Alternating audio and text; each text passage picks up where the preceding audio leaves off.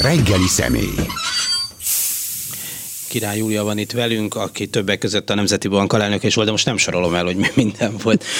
Jó reggelt kívánok! Jó, de ha már itt van egy volt Nemzeti Bank alelnök, hogy kérdezem meg, percekkel ezelőtt jött ki a KSH jelentés, hogy 6,5 százalékos volt az októberi, tehát évről évre számított infláció, és a jelentés szerint 9 éve nem mértek ilyen magas inflációt.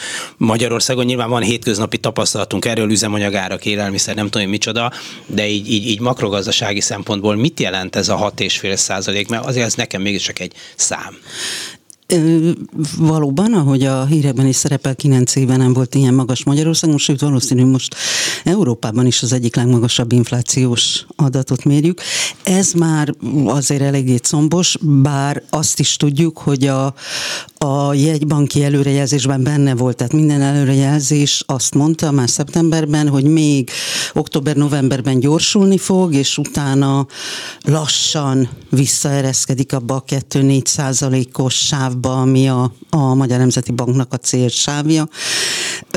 Ebből különböző vélemények vannak a világban, Egyesült Államok, Egyesült Királyság inkább tart a, a nem visszakonyuló inflációtól. Az Európai Központi Bank közgazdászai határozottan állítják, hogy ez egy egyszeri, elsősorban a, a nyersanyag árak megugrásának a következménye a kínálati láncok nem helyreállásának a következménye, és hogy szerintük jövőre ez úgymond ki fog mosódni. Magyarországon annyiban más a helyzet, hogy itt már a Covid előtt is volt infláció, tehát 2018-19-ben, amikor a, a jegybank még azt kell mondjam, hogy nem lépett, amikor még nem volt erről szó, bizony már a, a legmagasabb áremelkedést nézték a mérték a, a régióban, ami kétségtelenül úgymond még a jegybank célsávjában benne volt, de láthatólag gyorsult, tehát többen fölhívtuk akkor arra a figyelmet, hogy lehet, hogy valamit lépni kéne, hiszen a szomszédaink, Csehország, Románia már a Covid előtt léptek az infláció megugrására. Uh ugye elég komoly jövedelem növekedés volt Magyarországon az elmúlt években, bizonyos Igen. rétegekben. Tulajdonképpen az, az azt jelenti, hogy ennek egy részét, nyugdíjemelést is, fizetésemeléseket is visszaveszik, elveszik ezzel nem, az nem, nem, azért, a, nem? azért még mindig, még mindig a, a fizetéseknek a, a mért kereseteknek a reálértéke még ezzel a 6%-kal is növekszik, hiszen két számjegyű volt az elmúlt években, talán még tavaly is. A nyugdíjaknál már sokkal komolyabb a leszakadás, hiszen ott az átlag nyugdíjak reálértéke évről évre csökken. Hat ez a viszonylag magas infláció arra, hogy, eh, hogy több kerül vissza a gazdaságba, befektetésekbe, mert nem érdemes egy bankba tartani, most leegyszerűsítve a dolgot, mert egy részét nem, nem, az nem, nem, nem, nem, nem, bocsi, bocs, ne arra de ez pont fordítva van. Tehát amikor megnő az infláció, akkor inkább ma, nem, akkor, igen, akkor inkább ma fogyasztok, semmint, hogy megtakarítsak. Hát ezt hiszen ezt mondom, még, igen, igen, ja, igen, jó, hogy akkor nem a... megtakarítok, igen, igen, hanem igen, pont bocsánat, kiveszem, a, kiveszem a pénzem, ezt mondom, hogy, tehát, hogy egy csomó pénz van a bankokban, igen. és inkább beruházok, vagy megeszem, vagy elköltöm mielőtt. Így van, el, így van, mielőtt van ilyen jelenség? Az értékét. tudom, hogy ez a tankönyvi Ö, példa. De no, no, no, ugye mindig, mindig minden ö, föltét, minden ilyen állítás mögött ott van az, hogy hát ha semmi más nem változik. Tehát most azért elég sok minden más változik, például itt volt ez a másfél éves covidos lezárás, sőt, hát még ki tudja, hogy mi jön a negyedik hullámban. Ami viszont pont ellenkezőleg a fogyasztást némileg visszafogta, ilyen hullámzóvá tette, és 2020-ban úgy nőtt a, az emberek megtakarítása nem csak a világban, hanem Magyarországon is, mint soha előtte, hiszen pontosan, hogy nem tudták, hogy most mi jön, és ilyenkor az óvatosság arra inte, hogy inkább rakt félre, tett be állampapírba, ebből a szempontból ez a nagyszerű szuper magyar állampapír elég kockázatos, hiszen ebből bármikor ki lehet venni, és az is elképzelhető, hogy ez a bármikor ez mostanában fog eljönni, hiszen most van az először, hogy a szuper állampapír reál értékben veszít. Már hogy az államnak kockázatos. Hát neki az kockázatos, hogy aki a szuperállampapírba tette a pénzét, azt ki fogja venni. Az emberek meg azért veszik ki, hiszen a reálhozam, kamat, mínusz infláció, az most már negatív. Ennek a, a szuper állampapírnak a nominális hozama az olyan 4-5 százalék körül volt. Hát ez a mostanában mért 5-6 százalékos infláció egyértelműen reálveszteséget jelent, hogy ki mennyire érzi meg, ki hogyan reagál.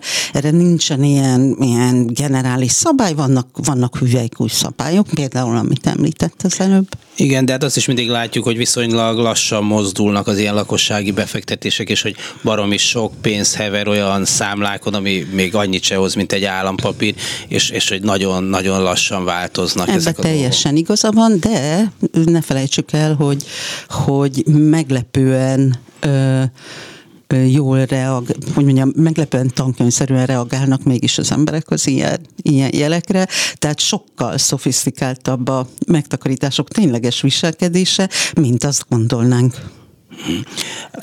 Viszont, hogyha kivesznek sok pénzt mondjuk az állampapírról, az is nyilvánvaló, hogy az inflációt fogja növelni, hiszen valahol az bekerül. Pontosan jól tetszik látni, ugye ezért, ezért van az, hogy a infláció ellen a, a jegybankoknak a szokásos ellenszere, hogy elkezdik emelgetni a kamatokat. Igen ami az emberek egy részének, akik például bankbetétbe tartják a pénzüket kétségtelenül jó, a másik részének, akik most vettek fel hitelt, vagy most jár le a hitelmoratóriumuk, és változó kamatozású hitelük volt kétségtelenül rossz. Tehát olyan, hogy olcsó is legyen a pénz, mint hitel, de magas kamatot kapjak a megtakarításaimra, erős legyen a forint, hogyha én utazom külföldre, de elég gyenge, hogyha én exportálok. Hát sajnos ilyen nincs. Igen.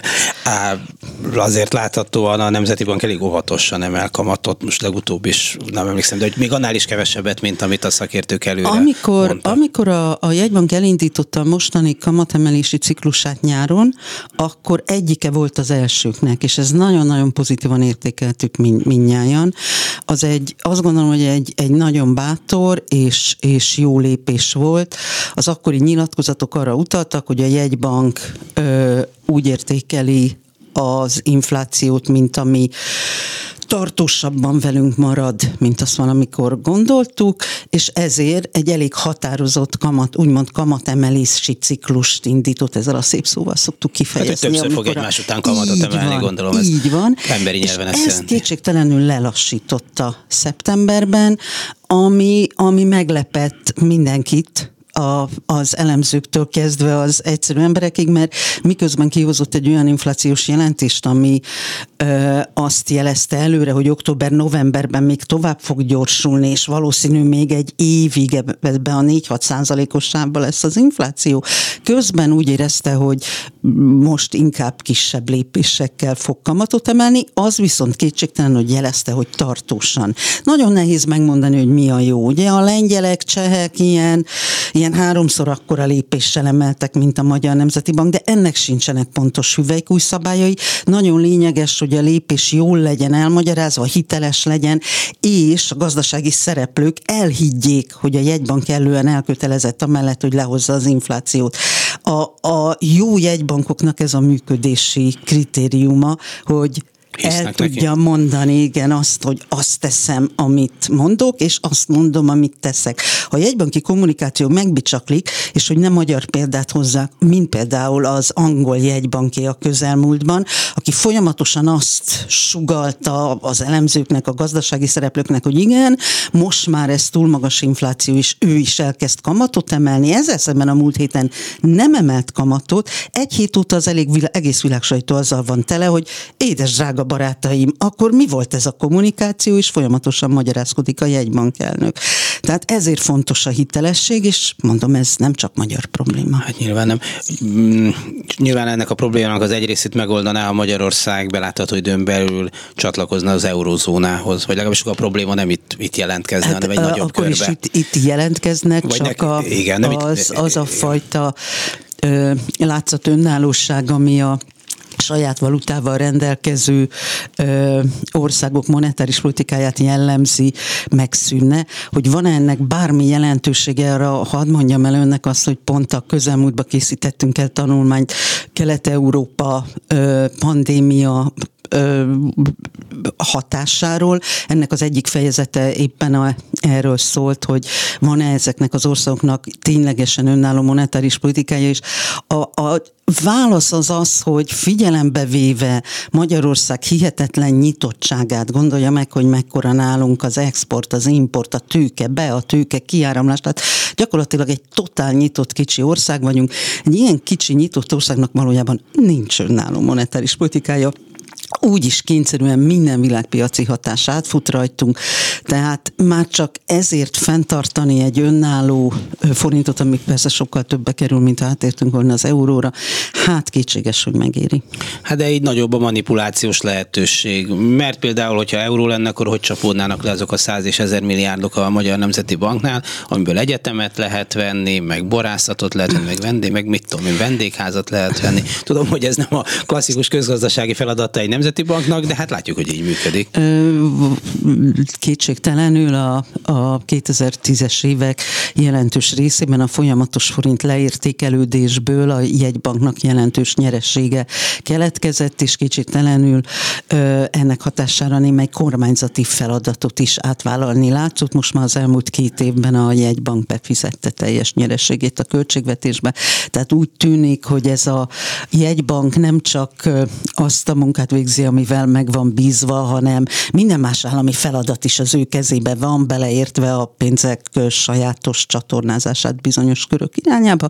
Ez azért mérséklődik, ami pozitív. Hát az a kérdés, hogyha mondjuk jön egy esetleges kormányváltás, és ugye a jegybank elnökének a megbizatása az túlnyúlik a cikluson. Igen. Ha jól emlékszem, akkor mi történik?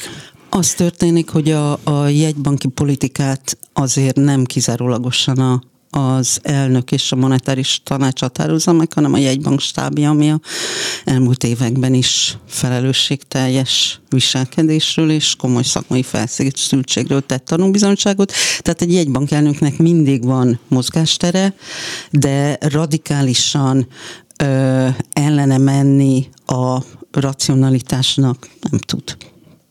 Hát vagy hogyha próbál, akkor annak csúnya vége lesz, gondolom. De hát vannak ilyen jel, jelképes dolgok, és most kétségkívül, hogy a jegybank tesz furcsa, már ebben a Fideszes rezsimben furcsa dolgokat, amikor kritizálja mondjuk az egészségügyi ellátást, vagy az oktatást, vagy tehát olyan kritikákat fogalmaz meg, amik, amelyek hát nem csak hogy jogosak, hanem, hanem valakinek el is kell mondani, csak itt nem szokás általában. Elnézést, kedves János, de hogy pontosítsak, nem a jegybank. Ez a jegybank elnöke, jegybank aki kétségtelenül egy sajátos jelensége a magyar gazdaságpolitikának, mert ő kétségtelenül azt gondolja, hogy ő az egyetlen, aki igazán ezt az egészet átlátja, és valójában a jegybanki függetlenséget úgy kéne megoldani, hogy mint egyszerű gyarmatot az összes minisztériumot a jegybankhoz csapnánk, és akkor egy, egy nagy egységes egészbe tudnánk megoldani az ország problémáit. Az ezzel kapcsolatos nyilatkozatait meg kell, hogy mondjam, hogy szerintem a jegybank stábja is döbbent, csöndben figyeli. Na de ezzel annyiban ellentmond magának, hogy azt mondja, hogy hát nem a jegybank elnökön múlik csak, hanem a mögötte levő stábnak. Hát a stáb mondhat, amit akar, ha a jegybank elnöknek, hogy mondjam, van elég önálló mozgástere, Igen, de, a, de saját nincs is önálló. Nem, hát pont erről van szó, hogy a jegybank elnök az annyi önálló mozgástere van, hogy sajnálatos módon nyil, össze, nem tudom más mondani, össze-vissza nyilatkozik, de megint csak nézze meg a, a jegybank döntéseit, lépéseit, ö, ami, ami az elmúlt tíz évben számos hibája ellenére nagy katasztrófát nem okozott. Hát ez egy van. őrült jegybankelnök ellenére. Á, ez az egybankelnök, mikor arról Ezt az őrültet most visszavontam, mielőtt megint beperel. Szokott? Persze. Tényleg? Igen, megszoktam. De nyerünk ellen. De ez publicisztikai fordulatnak van minősítve, és nem tényközlésnek. Úgy, ahogy tetszik mondani. Igen, ismételten csak egy szimbóleumot használtam. Hogy eh, mindig azt mondja, hogy hát az euróhoz nem kell, euróvezethez nem kell csatlakozni, mert, mert, mert. Igen. Miközben azért látszik, hogy a környező Igen. országok, ugye Szlovákiában már van e- euró. Szlovákiában, az összes balti államban, Szlovéniában, Szlovákiában két év múlva Bulgáriában, Horvátországban és a Romániában is előbb lesz, mint Magyarországon. És Montenegróban már saját hatáskörbe bevezették, igen. igen. igen. Tehát, hogy, hogy mondta, hogy a valósággal nehéz szembe menni, hogy, hogy nyilván akkor ez egy sokkal kisebb mozgás tehát ha Magyarország körül ez nem minden fontos elnök döntése. Nem, ez kétségtelen. Ez kormányzati döntés, igen. mert lássuk be, hogy az euró csatlakozás sohasem csak gazdasági kérdés, elsődlegesen politikai, politikai és érzelmi kérdés.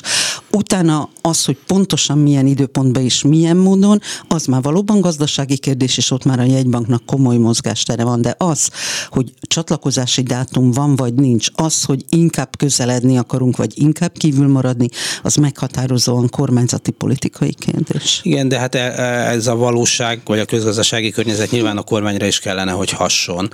Tehát, hogy, hogy nehezednek-e a magyar gazdaság föltételei aránytalanul, hogyha megmarad a forintnál, miközben már az összes környező ország is Mindig pro és kontra érveket tudunk felsorakoztatni. Ö, Szlovákia és Csehország elég közel vannak uh-huh. egymáshoz, még gazdaságilag is volt, amikor egy térséget képeztek. A szlovákok maguk szerint is, és az elemzők szerint is igen sikeresen oldották meg az euró bevezetést. Kifejezetten pozitív hatással volt a szlovák gazdaságra, míg a csehek, akik határozottan egyre távolabbra lökik ezt a kérdést, ö, egészen jól érzik magukat az eurozónán kívül, és nagyon jól használják azt a korlátozott függetlenséget, ami a, a jegybanknak a rendelkezésére áll. Tehát két totál hasonló ország külön eltérő következtetéssel, ezért mondom, hogy ez elsősorban politikai kérdés. Hát igen. Magyarországnak én is azok közé tartozom, aki azt gondolja, hogy inkább pozitív sem, mint negatív hatással lenne a gazdaságra, az országra, az ország jólétére a csatlakozás, mint a kívülmaradás. De hát, hogy mondta, és ez politikai kérdés, és ha egy országban bevezetik az eurót, akkor ott azt lebegtetni, hogy esetleg az Európai Unión kívül is van élet, az sokkal nehezebb, mert, mert akkor már annyira oda van kötve az Európai Kedves János, nem lebegtetjük, cáfolta. Nem, nem, Thomas, nem hallgatja, nem hallgatja a péntek ki miniszterelnöki ah, interjúkat. Ez egy szóval sem, de hogy is, hogy lépnénk ilyet, semmi jel nem mutat ne is, arra. Ne ugye? is, de én örülök, ha ez így van. Amúgy. Mm. De, de ebben kétségtelenül igaza van, tehát az eurózóna melletti elkötelezettség az egyel több szoros kötelék Európához. Azt viszont sajnos el kell mondanom, hogyha utána az, a, egy ország úgy dönt, hogy távozik az eurózónából, az az Európai Unióból való kilépést is jelenti átmenetileg. Hát legalábbis azt mutatja, hogy Európa is többféle van, vagy Európai Így Unióban van. is több, több, több fokozat van ha nem jön pont a beszélgetésünk elején ez az inflációs jelentés, akkor azzal kezdtem volna, hogy a essünk túl, hogy az hogy működik, amikor megzsarolják a munkaadóját, amelyik azért a világ egyik meghatározó bankja, tehát nem egy falusi szatócsbolt, hogy az, aki Magyarországon egy ellenzéki gyűlésen feltűnik, az már nem lehet igazgatósági tag a KNH bank tulajdonosa bankba. Szerintem mondjuk ki, hogy ez a történet nem rólam, és nem is a bankról szól, hanem arról a rezsimről, amelyet valóban jellemez a jogállamiság hiánya. Nem munkaadóról van szó. Az igazgatósági tagság az egy választott tisztség, a közgyűlés választja, tehát nem lehet felmondani nem, hogy mondjam, nekem nem lehet felmondani, én tudok lemondani. Ami ö, erre ösztönzött, az az, hogy Magyarország nem egy normális ország. Egy normális országban egy bank igazgatósági tagja, aki a civilbe, aki civilként valami egészen más. Én minden alkalommal, mint egyetemi tanár léptem fel, nem mint igazgatósági tag, én nem képviselem a bankot, és mint ilyen, egy normális országban egy igazgatósági tag bármikor részt vehet egy előválasztáson, ott véleményt nyilváníthat, politikai karaktere lehet. Természetesen nem vállalhat fizetett pártfunkciót, nem lehet egy pártnak alkalmazottja, ez normális. normális. De különben, mint civil, miért ne politizálhatna? Tehát azért mondom, hogy ez a történet Magyarországról szól, ahol abban a pillanatban, hogy Márki Zai Péter, aki mellett én tényleg egy kampánygyűlésen felszólaltam, egy előválasztási kampánygyűlésen felszólaltam, megnyerte földcsúszámlásszerűen az előválasztásokat, a kormány fókuszába nem csak Márki Zaj Péter került, és kell elviselni azóta egyre durvább és súlyosabb támadásokat, hanem mindenki, aki támogatta őt. Nem véletlen, hogy a, a ennek a nemzetközi banknak az üzenetet nem a, az én politikai aktivitásom idején küldték el, hanem a földcsuszanlásszerű győzelem után jelezték azt, hogy ha? szerintük ez nincs összhangban egy igazgatósági tag függetlenségével, amiből csak az látszik, hogy a kormánynak fogalma sincs, hogy a függetlenség nem azt jelenti, hogy az embernek nincs állásfoglalása, hanem azt jelenti, hogy a bankot illető döntéseiben nem befolyásolhatja semmilyen kormány. Én pedig jelentem, a KBC bankban az igazgatósági döntéseimben soha nem befolyásolt egy kormány sem, abszolút független voltam, mint ezt a bank igazgatósági tagjaitól, ö, vezetőitől kapott azóta levelek tucatjai bizonyítják, tényleg ezek nagyon jól esnek.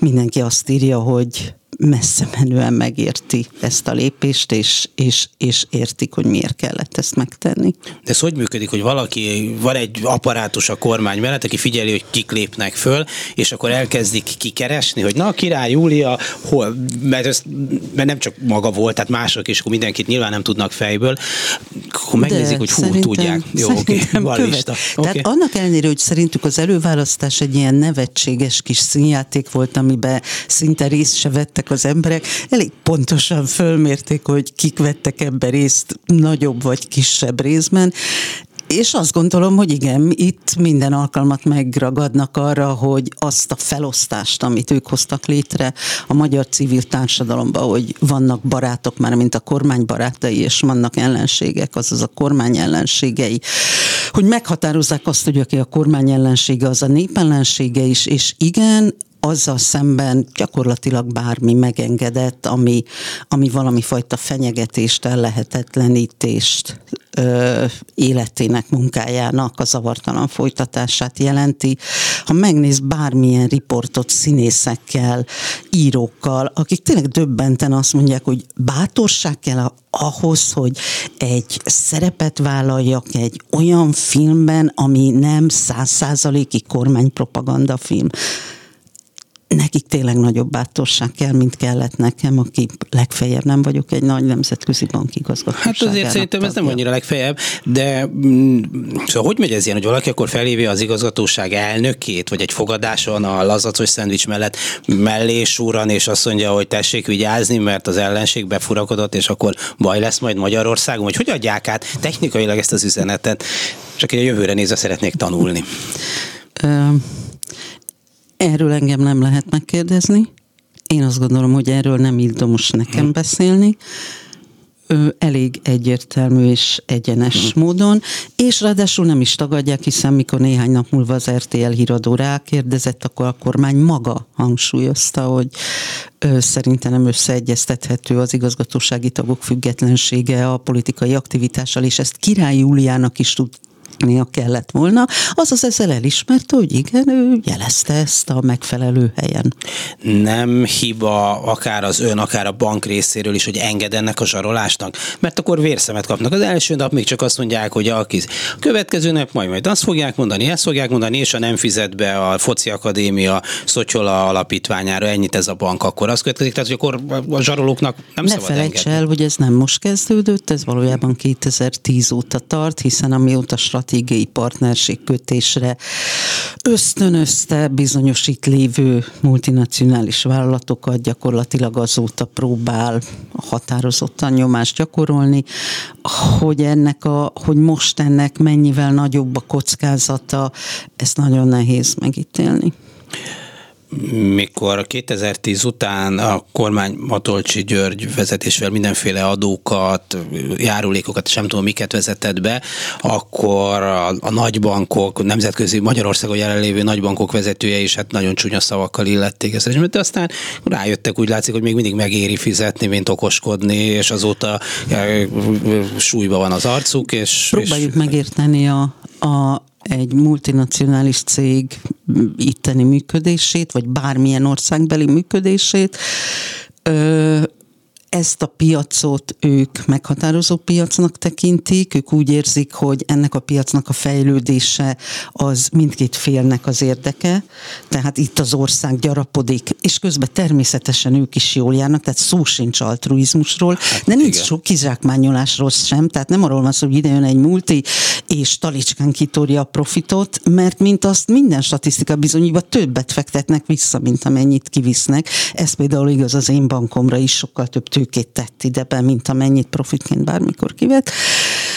De világos, hogy ennek érdekében ő egy nyugodt üzleti környezetet szeretne. És ez mindig egy nagy kérdőjel, én azt gondolom, hogy normális országokban ez nem kérdés.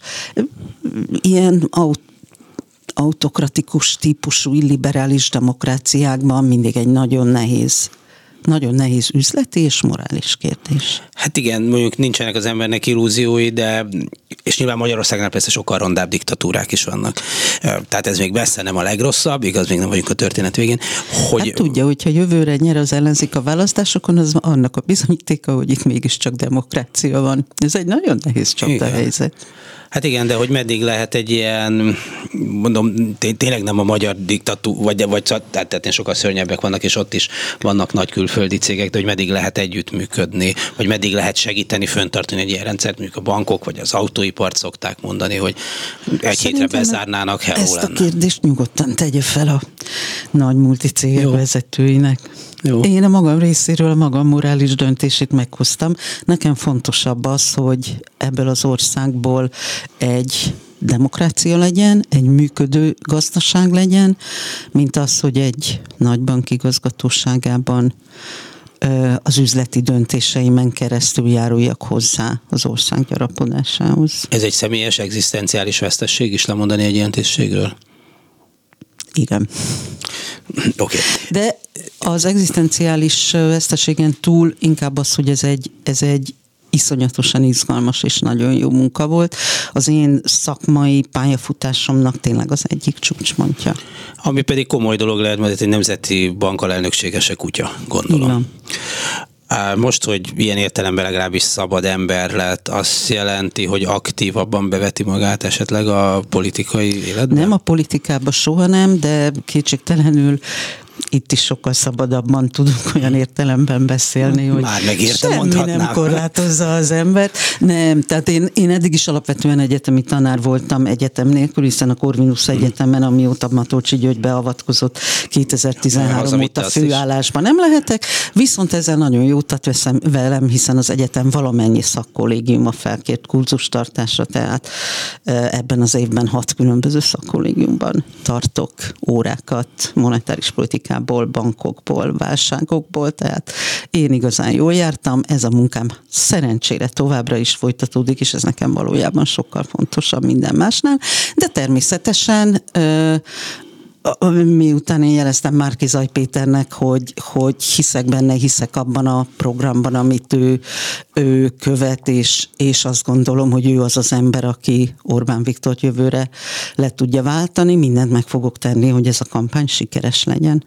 Nyilván szüksége van Márki Zaj Péternek, az ellenzéknek olyan gazdasági szakemberekre, akik egy új program előállításában, vagy megírásában, vagy tervezetének megírásában közre tudnak működni. Igen. Tehát el tudom képzelni, hát már van ebben rutinját, 90 után még a Fidesznek is adott tanácsot állítólag. Ezt, ezt nagyon jól látja, igen. 1990-ben akkor is tanítványaim tanácsára a Fidesz programot már átnéztem. Még, még 89-ben segítettem őket, és utána megkértek és csatlakoztam hozzájuk, mint a Fidesz gazdaságpolitikai tanácsadó testülete. Tehát engem a tanítványaim mindig is hogy úgy mondjam, befolyásoltak, és én ezt egyáltalán nem szégyellem. Én azt gondolom, hogy a fiatal gondolkodók, a szabad gondolkodók természetesen kellő kritikával kezelve minden meglátásukat. Igen, most is tanítványaim voltak azok, akik felhívták a figyelmet arra, hogy van itt egy érdekes figura ezen a páston, és tessék egy kicsit jobban megismerni Márki Zaj Pétert, akit lássuk be, nagyon nem ismertünk. Nem tudom, mennyire követte korábban. Én bevallom, hogy idén, idén tavasszal kezdtem el felfigyelni rá, és, és ö, annak ellenére, hogy természetesen a hódmezővásárhelyi győzelmét mind üdvözöltük, és tényleg azt látni, hogy egy, egy olyan született politikus, aki közben végtelenül őszinte, egyenes, kemény, van esélye. Ez jó, jó, jó hír. Ő is azon emberek közé tartozik, akivel vagy 20-25 interjút csináltam az elmúlt években, de még sose találkoztam vele személyesen, hogyha szembe jönnénk az utcán, most hát nem mondom, hogy elmennék mellette, de uh, szóval visszatérve a, arra, hogy ő megnyerte az ellenzéki előválasztást, nem is kicsit, hogy sokan mondják azt, hogy ebbe volt valamiféle hát elitellenesség, vagy, vagy a meglévő ellenzékkel kapcsolatos kritika is, és hát nyilván most ez csak a politikai elitről szólt, de hát lehet, hogy azért ebben a gazdasági elittel érzett esetleg kritikus attitűd is benne volt, még ezt így persze nem tudjuk, hogy ki miért szavazott rá, vagy ennyire pontosan nyilván nem lehet ezt szétszedni. Ez majd ki fog derülni. Nem, nem tudom, hogy szerintem inkább az a fajta sodrás volt benne, hogy egy ember, aki kimondja azt, amit gondol, pontosan az, amit az előbb mondtam egy jegybankról, ami, ami szerintem egy jegybankban is a legfontosabb, hogy hiteles legyen, hogy azt mondja, amit tesz, és azt tegye, amit mond. És én úgy érzem, hogy Márkizaj Péter az a politikus végre ebben a, az elég szürke ö, politikai arénában, aki nem hátsó szobákban akar ö, különböző alkokat kötni, és utána valami egészen mást mondani, hanem tényleg önazonos ember minden szerepében. Ez a legnagyobb kockázata is számomra a legnagyobb erénye. Szerintem ez az, amit megérzett a 40 alatti generáció. Nagyon kevés olyan 40 alatti barátom van, aki ne, neki kampányolt volna, ne rászavazott volna. Igen, hát biztos, hogy ez látszik, hogy a nagyvárosi, iskolázottabb, fiatalabb csoportokban jóval magasabb a támogatás. És nézze meg vidéken is, hiszen a második fordulóban 50-50 százalék volt a vidék aránya is, tehát nem igaz, hogy vidéken a, a másik típusú kommunikáció többet segített. Szerintem a, az egyenes beszéd az mindenütt segít. Igen, és Hódmezővásárhelyet is megnyerte, ami szintén egy, nem, nem, nem, nem Budapest. Bár nem vagyok politológus, tehát én ebben nem szívesen megyek bele, de azt gondolom, hogy a, a, a gazdasági programjában az a szép, hogy nem mond, nem tudja azt mondani, hogy ez egy jobboldali program, ez egy realista program, ami azt mondja, hogy vegyük elsősorban figyelembe, hogy mi az a mozgástér, ami a választások után egyáltalán rendelkezésre áll, és ne ígérgessünk fölöslegesen.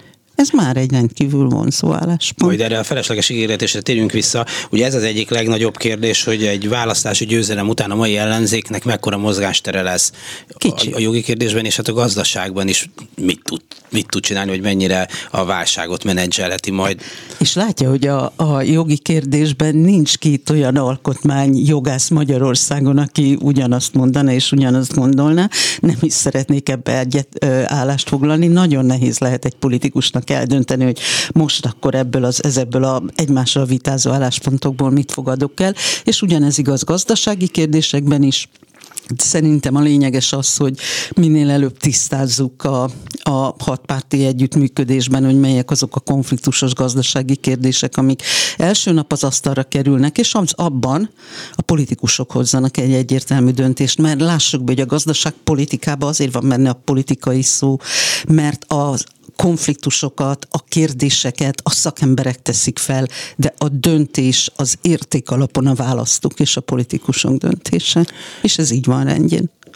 Szóval hogy lehet versenyezni egy ilyen, tehát ez nem több, mint ígérgetés, cunami, nyugdíjemelés, nyugdíjprémium, minimálbéremelés, ráadásul minden egymilliószor elmondva, mit tudom én, hát és tehát hogy, hogy, hogy ehhez képest ez a vért, könnyeket és üzlet ígérni, ez, ez, egy, nem egy, ez egyszer ez bejött. Nem egy, nem egy jó. Igen, ez egyszer Churchillnek bejött, és meg is nyerte vele a második világháborút, de azért sok ilyen példát nem tudunk azt hiszem Teljesen megmondani. egyetértek. A, amilyen ö, államadosság növekményt jelen pillanatban a kormányzati, nem ígéret cunami, az egy igaz, tehát Igen, ténylegesen én tegnap kaptam meg a miniszterelnök levelét, melyben örömmel értesít, hogy országunk kiváló teljesítményének következtében a 13. havi nyugdíja teljes egészében fogja számomra folyósítani, Na, és ez gyönyörű levélpapír, pecsét, adatvédelmi nyilatkozat. Azt hiszem a másik két millió nyugdíjas társammal együtt vettük készhez ezt az igazán örömteli hírt, és gondolom ugyanígy megkapják a 25 éven aluli fiatalok, hogy nekik meg nem kell adót fizetni,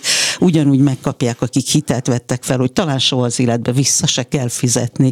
Ö, igen, ezt nagyon jól látja, ez nem ígéret cunami, ez úgynevezett választás előtti szokásos költekezés, aminek hatására jövő évben egy az ideinél is sokkal súlyosabb költségvetési helyzettel fog szembenézni, bárki is nyeri a választást, tehát én értem, a kormány maga alatt is vágja a fát, az ő mozgás terese lesz nagyobb. Hát igen, de biztos azt mondják, hogy na, ilyen szempontból a hiány csak egy szám. Most ennyi, jövő évben 30%-kal több lett, az egy másik szám. Nem, nem jó, nem jó, mert azért tíz éve azt mondják, hogy és az előző vezetés eladósította az országot. Ne felejts el, hogy Gyurcsány eladósította ezt az országot szlogent. Ezzel most párhuzamosan ez lesz azt mondani, hogy hát mi most nem eladósítottuk, hanem, hanem úgymond növekedett az adósságunk. Hát majd azt mondják, hogy Gyurcsány eladósította az országot. Szóval, e, tehát attól nem félek, hogy nem tudnak valamit mondani. Mondjuk, hogyha visszatérünk azért egy kicsit a, a, a, a programokra, hogy azért a Fidesz láthatóan és nyilván leegyszerűsítve, de a felsőbb középosztályt támogatja egy csomó, csomó dologgal, aminek nyilván megvan a maga értelme, egy baloldali bérzelmű ember lehet, hogy azt mondja, hogy hát azért másnak is kellene juttatni, tehát nem a szegényebbektől veszünk el, és Nézze, a relatív jogokhoz teszünk, szerintem a közgazdászok között van egy relatív egyetértés.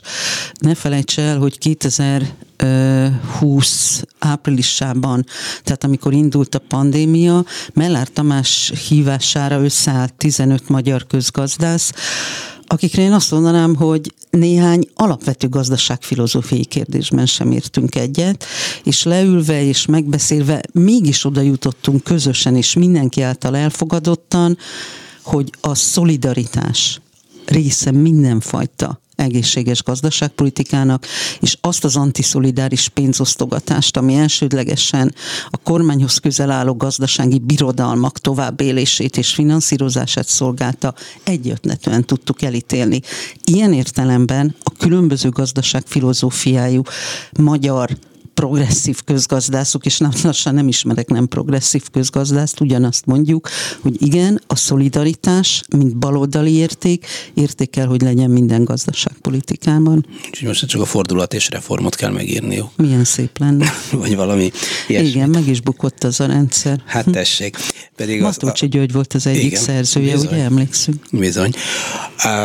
Ha mondjuk most azt mondja Márkizai Péter, vagy ez az ellenzéki koalíció, hogy na, király Júlia ráér, legyen egy ilyen ellenzéki vagy árnyék, árnyék pénzügyminiszter, akkor vállalna efféle nyilvános szerepléssel is járó, de mégis a szakmai szerepet? Árnyék kormány tagságot nem, mert az kicsit arra utal, mint hogyha bármilyen későbbi kormánytagságra aspirálnék. Számos barátomtól is megkaptam azt, hogy hát biztos azért csináltad az egész cécót, mert jegybankelnök szeretnél lenni, úgyhogy innen üzenem barátaimnak minden oldalon, hogy se jegybankelnök, se pénzügyminiszter, se államminiszter, se semmilyen miniszter, se államelnök, se semmilyen politikus nem voltam, nem leszek, mert nem vagyok rá alkalmas. Egy jó tanácsadó vagyok, és az bármikor nem bárhol és nem bárkinek bár szokták azt a bombót elsütni, hogy annak kellene lenni a miniszternek, aki nem akar miniszter lenni. Lehet, hogy ezt nem, kell Szerintem egy miniszternek egy jó hadvezérnek kell lenni, nem kell feltétlenül a legjobb közgazdásznak lenni, egy nagyon jó szakértői csapatnak kell mögötte lenni. Hát nyilván menedzsernek kell lennie, meg jó, Így van. meg ütésálló embernek, aki Így azért van. bírja hol igaz, hol igaztalan kritikák Igen. tömegét. Meg hát amit ön is többször mondott, hogy itt azért nagyon ellentmondó, vagy egymásnak ellentmondó érnekek között kell lavírozni, Így mert van. nem mindig ennek van igaza, és annak nincs, hanem lehet, hogy mind a kettőnek igaza van, de nekem is és igaza ez milyen nehéz, és ez milyen nehéz mindig belátni. Tehát a szakértői kormányzás szerintem úgy kell érteni, hogy egy nagyon erős szakértői csapat áll minden miniszter mögött. Ugye ez a Márkizai féle győzelem azért is érdekes, mert mögötte nincs párt, vagy egyelőre nincs párt, miközben a parlamentben pártok vannak, egyébként nagyon helyesen, ők szavaznak, szóval, hogy mekkora, még a, most eltekintsünk el, amitől nem lehet a Fidesztől, de hogy még az ellenzéken belül is szűkebb mozgástere van esetleg, vagy ha csak ezek a nagyon nem együttműködő pártok, egy olyan miniszterelnök jelöltnek, akinek nincs parlamenti ereje, még a saját oldalán se. Magyarországnak volt egy párton kívüli miniszterelnöke, és az egyik legsikeresebb párton kívüli miniszterelnök volt, aki mögé odaállt akkoriban minden ellenzéki párt, és az elmúlt évtizedek legsikeresebb egy évét produkálta. Tudja, úgy hívták, hogy Bajnai Gordon. Tehát nem feltétlenül kell magának a miniszterelnöknek rendelkeznie a legnagyobb párttal, az kell, hogy a pártok tényleg mögötte álljanak, és én azt látom, hogy a hat ellenzéki párt nagyon komolyan gondolja azt, hogy csak együtt tudják leváltani az Orbán rendszert. Az, Elemi érdekük, hogy támogassák a előválasztáson győztes miniszterelnök jelöltet, elemi érdekük azt, hogy együttműködjenek, miként Markiza, Márkizai Péternek is elemi érdeke az, hogy a hat párttal együtt alakítsa ki a jövő kormányát.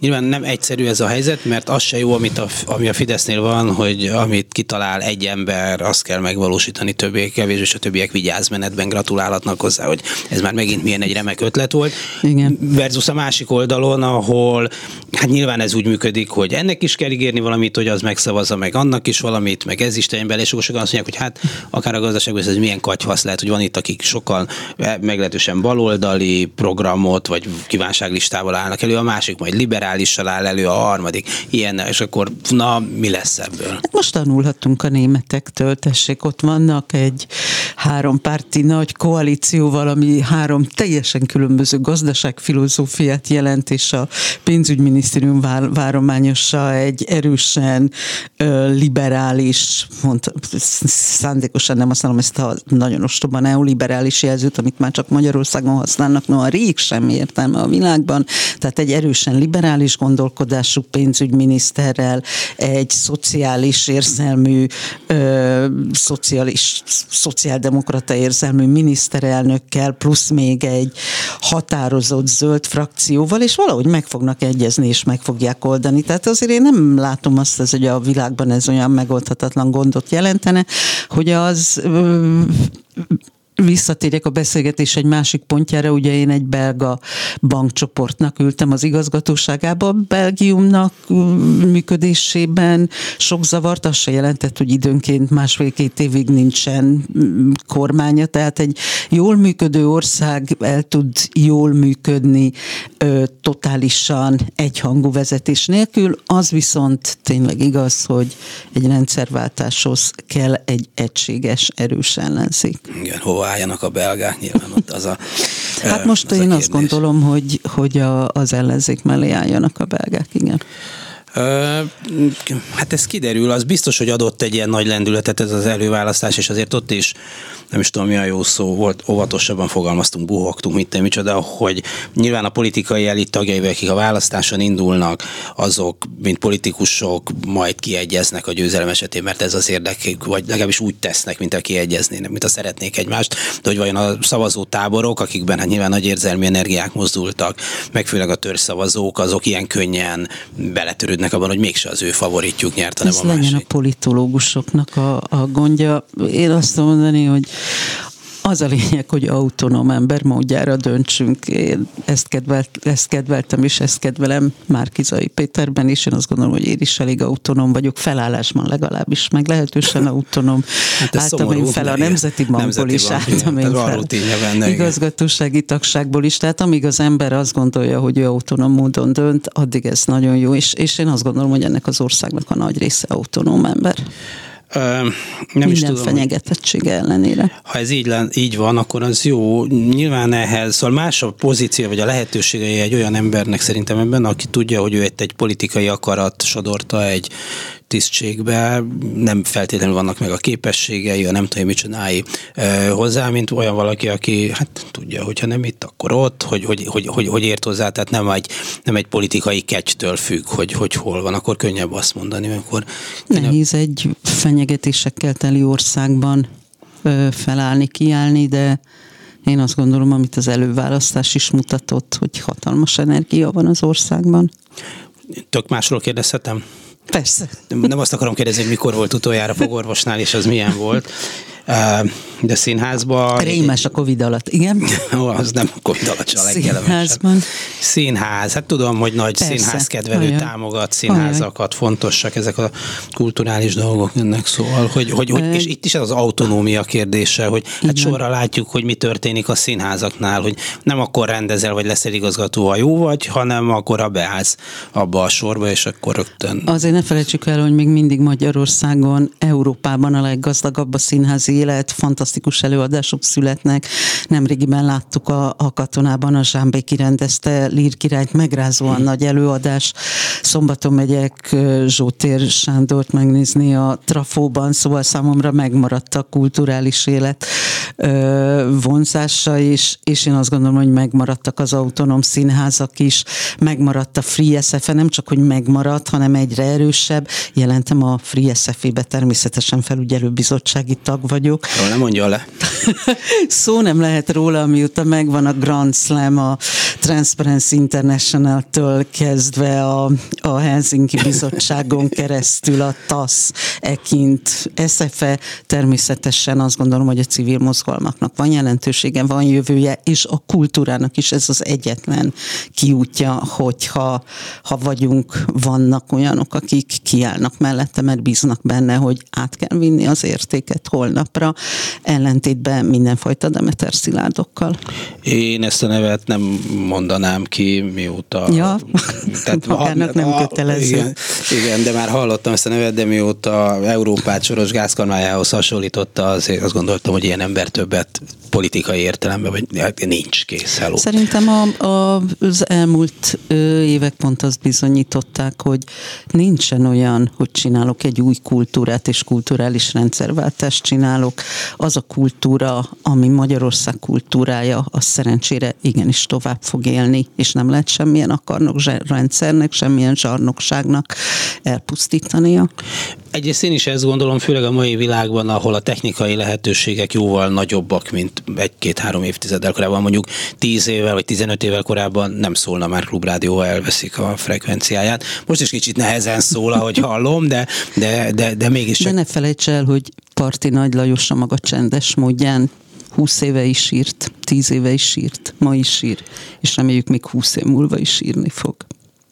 Nem hiszem, hogy parti nagy nagyságát, bár, tehát hogy érinteni, vagy bár, bármi köze lenne parti nagy hogy valaki hülyeségeket eh, beszél, még ha annak állítólag van tisztsége is. Tehát ilyen szempontból optimista vagyok, de más szempontból hát tönkre lehet tenni embereket, egzisztenciákat, és azért mégsem mindegy, hogy valakinek játszák mondjuk a darabjait, a fordításait, kap-e megbízást, vagy nem kap, mert ugyan nem vacak, amit csinál, hanem nagyon is jó lenne, de hát nincs benne elég szent, és hátrafelé nyilazolás, és kumisz, és Belgrádot visszavívjuk motivum.